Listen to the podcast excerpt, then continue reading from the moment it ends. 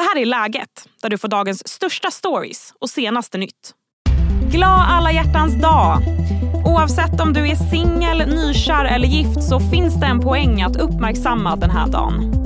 I alla fall om du frågar sexologen Susanne Larsdotter som gästar det här avsnittet. Hur får man en relation att hålla länge? Och vilket är det vanligaste problemet i kärleksrelationer? Som vanligt får du även de allra senaste nyheterna. Jag heter Sally Sjöberg. Hej Susanne! Hej! Är alla hjärtans dag en bra dag för våra relationer? Vad säger du? både och skulle jag säga. Det är väl fint med en dag som uppmärksammar kärleken och omtanken om varandra. Men eh, som alla sådana här högtider kan det också bli en ganska kommersiell dag där det handlar om att man måste komma ihåg att köpa rosor eller att den här liksom tvånget på att man måste handla någonting. Och det är kanske är fler än jag som är vansinnigt trötta på de här sockrade geléhjärtarna. ja, jag, jag tycker för sig att de är rätt goda men vad bör man passa på att göra en sån här dag tycker du?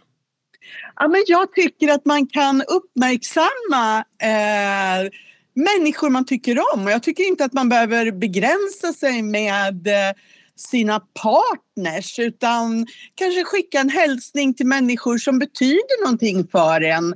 Ehm, och naturligtvis också uppmärksamma om man har en partners eller flera partners att, att eh, vara lite extra snäll och uppmärksamma personen på något sätt.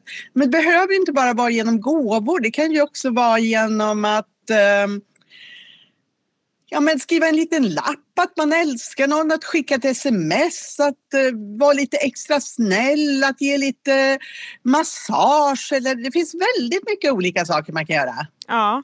Kan vi bredda även att tänka, liksom, för det är lätt att tänka alla hjärtans dag, men då skriver jag den här lappen till exempel. Men borde vi inte egentligen vara lite mer så alla dagar?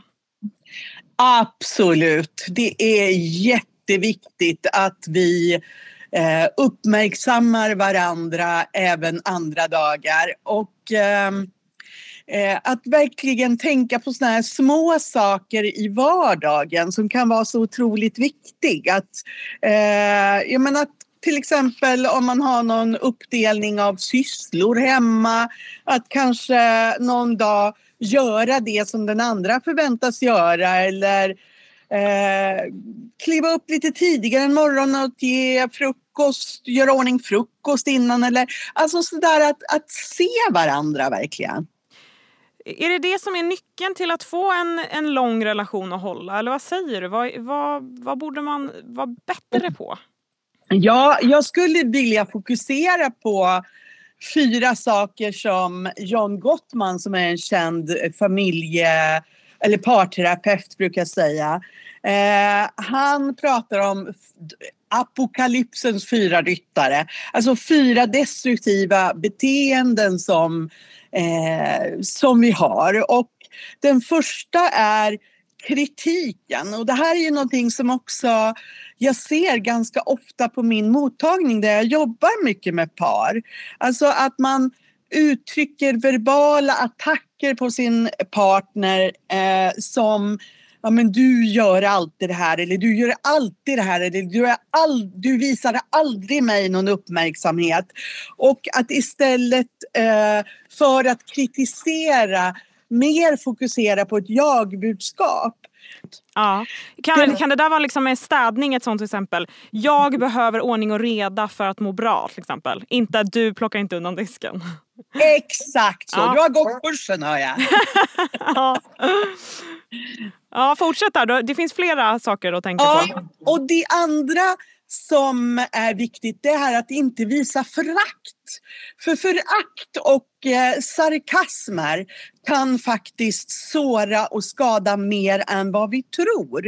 Eh, och motmedlet är istället att visa uppskattning och gärna visa uppskattning i det lilla också. Och det var så fint att du gick ut med soporna utan att jag behövde påminna dig eller alltså att, att uppmärksamma de här små sakerna och dessutom psykologiskt så är ju det här ett fantastiskt sätt att också bekräfta den andra så att det här beteendet, det finns en stor möjlighet att personen liksom känner sig stärkt av det här och fortsätter med det här för man fick den här positiva uppmärksamheten och bekräftelsen.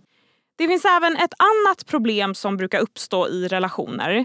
Det är något som du brukar kalla för tennisspelet. Vad det handlar om ska vi strax prata om, men först blir det en kort nyhetsuppdatering. En man saknas fortfarande efter branden på Lisebergs vattenpark Oceana i Göteborg. Rasrisken har varit så pass stor att räddningstjänsten inte kunnat söka efter honom.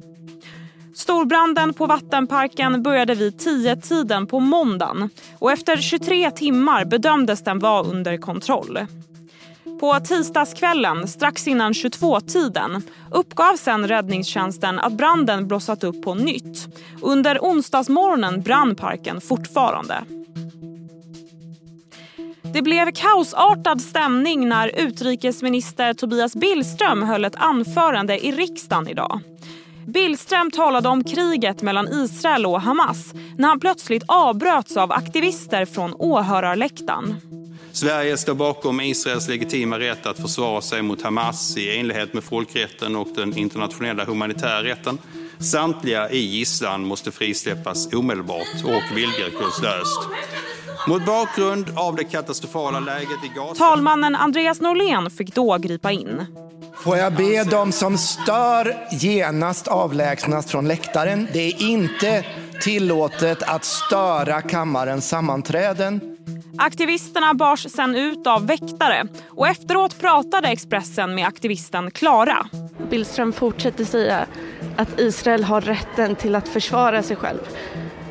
Just nu har 30 000 människor mördats en person har gripits för våldsamt motstånd, det skriver GP. Gängledaren Joffrey Kitoto utvisas efter 34 år i Sverige. Kitoto har under decennier haft centrala roller inom grov organiserad brottslighet och lett kriminella nätverk som Original Gangsters och No Surrender. Han har flera gånger dömts till långa fängelsestraff för grova vålds och narkotikabrott och nu döms han på nytt för grov brottslighet och straffas även med utvisning. Hej, Ulf Kristersson här. På många sätt är det en mörk tid vi lever i. Men nu tar vi ett stort steg för att göra Sverige till en tryggare och säkrare plats. Sverige är nu medlem i Nato. En för alla, alla för en. Hej, Synoptik här. Hos oss får du hjälp med att ta hand om din ögonhälsa. Med vår synundersökning kan vi upptäcka både synförändringar och tecken på vanliga ögonsjukdomar. Boka tid på synoptik.se. Tillbaka till Susanne Larsdotter, sexolog. Och den tredje saken då? Den tredje saken är försvar, att man gör sig själv till ett offer och, och flyttar flyttar skulden till den andra istället. Och det här är ju väldigt lätt hänt eh, när man får kritik att man, ja men du då? Jag brukar kalla det för tennisspelet som jag ibland, eller ganska ofta faktiskt ser på min mottagning också. Någon framför någon form av kritik till den andra och den andra svarar inte på den här kritiken utan istället, jaha, ja men du brukar ju alltid göra sådär. Så ja. varför, varför klagar du på mig? Varför är det så svårt för oss att ta ansvar? Ja, det kan ju bero på väldigt många olika saker. Men just det här med försvar handlar ju mycket om att vi, att vi kommer, eh, att vi känner oss anklagade. Vi eh, känner oss hotade. Det, det är liksom, eh, det är inte, vi, vi har lite träning i att ta kritik och se vad, vad, vilket ansvar bar jag i det här. Vi behöver verkligen lära oss att ransaka oss själva. Sen är det klart att det, det är ju svårt om inte båda gör det verkligen. Och den fjärde saken då, vad, vad är det för något? Den fjärde saken är ju det här med blockering. Eh, att man drar sig undan. Eh, och man inte vill ta i saker. Och det här är ju inte alls ett speciellt ovanligt sätt att, att hantera situationen och det här kan ju också bli, det här kan ju bli som mönster i eh, i en relation eh, där man eh, där den ena liksom inte vill ta konflikter och den andra nästan eldar på och liksom går på och går på och den andra bara drar sig undan. Ja. Eh, och det här sker ju ofta när vi blir överväldigade. Att vi, vi kan inte hantera den här situationen så vi, vi bara stänger ner. Eh, och här finns det ett väldigt bra råd och det är när man har kommit in i sådana här konflikter så det blir liksom det här tennisspelet. Ja men du då och du då och du då att ta en, en time-out. Något som jag såg på ett realityprogram var, var också att när man väl då pratar eh, med varandra, det var ett par som hade bråkat och sen satte de sig ner för att prata och då var det som att de hade en talpinne. Att så här, nu när jag håller den här då, då, är det jag som pratar och sen får du den och så är det du som pratar. vad, vad tycker du om den metoden? Ja men den är också alldeles utmärkt för när man bara liksom när man bara skriker åt varandra och man lyssnar inte egentligen till varandra. Det gäller ju bara där, då att den som inte har talpinnen faktiskt kan slappna av och lyssna på vad den andra säger. För det är ju det som är så intressant också att när man har förmånen att sitta framför ett par eh, som bråkar så ser man ju så mycket och då kan man också se, lyssnar den andra verkligen till den som har talpinnen? Att försöka lyssna in, vad säger personen? Och du som möter så många par, av vilken anledning kommer de som söker hjälp hos dig? Vi ska prata om den vanligaste orsaken till problem i relationer. Men först blir det fler nyheter. Den tredje säsongen av succéserien White Lotus har nu börjat spelas in. Det rapporterar Entertainment Tonight. Säsong tre kommer utspela sig i Thailand och inspelningarna kommer bland annat ske i Bangkok och på Phuket. Skådisarna Jason Isaacs, Michelle Monaghan och Natasha Rothwell är några namn vi kommer få se i serien. Stockholms län har inte haft någon dödsskjutning på fyra månader, det rapporterar Ekot. Enligt polisens statistik rör det sig om det längsta uppehållet sedan 2018. Polismyndigheten säger till radion att de tror att deras arbetssätt mot kriminella gäng och insatsen FRIGG kan ha haft effekt, men att det är för tidigt att dra slutsatser. Jag blev så nyfiken, för du eh, har ju en mottagning där du, där du möter par och kanske eh, vänner, jag vet inte. Men, men vad brukar det vara den vanligaste problematiken hos de som kommer till dig? Alltså, eftersom jag primärt jobbar som sexolog, även om jag också är familjeterapeut, så är de vanligaste problemen eh, att någon i relationen har tappat lusten. Och då är det lätt att tänka att ja, men det är naturligtvis kvinnan som har tappat lusten och mannen som har lust. Men jag skulle säga att det är ungefär 60-40 procent, eh, 60 respektive 40 procent. Det är lite mer kvinnor som söker till mig som har tappat lusten. Men ungefär i 40 procent av fallen så är det mannen som har tappat lusten eh, om man lever tillsammans med en kvinna. Och sen i samkönade par så kan det ju naturligtvis vara eh, vilken av, av eh, personerna som helst. Men, men det vanligaste i både samkönade och olikkönade relationer är tappad sexlust. Vad säger du då? Alltså man måste aktivt jobba på det. Att tro att lusten bara kommer ner eh, dunsande eh, i en som ett brev på posten. Eh, eller kanske numera så är det just inte som ett brev på posten. Eh, Nej, men alltså man måste jobba på det här med lusten och man måste, man måste ta tid för eh, att skapa lust. Man måste ge utrymme i relationen. Man måste tänka på lust. Man måste, eh, den som in, har mindre lust måste liksom aktivt också söka sin lust. Och där brukar jag prata om att det finns ett lustrum som man kan gå in i och man kan försöka hitta tillbaka till det som vad är det som gav mig lust tidigare? Eh, jag kanske behöver fylla mitt inre med sexuella fantasier. Jag kanske behöver fundera på vad, vilken närhet längtar jag efter? Och att faktiskt ta sig tid att, att vara nära varandra. Jag har en kollega, eh, sexologen Malin Drevstam som har, eh, brukar prata om att huda och jag tycker det är ett sånt fantastiskt fint begrepp.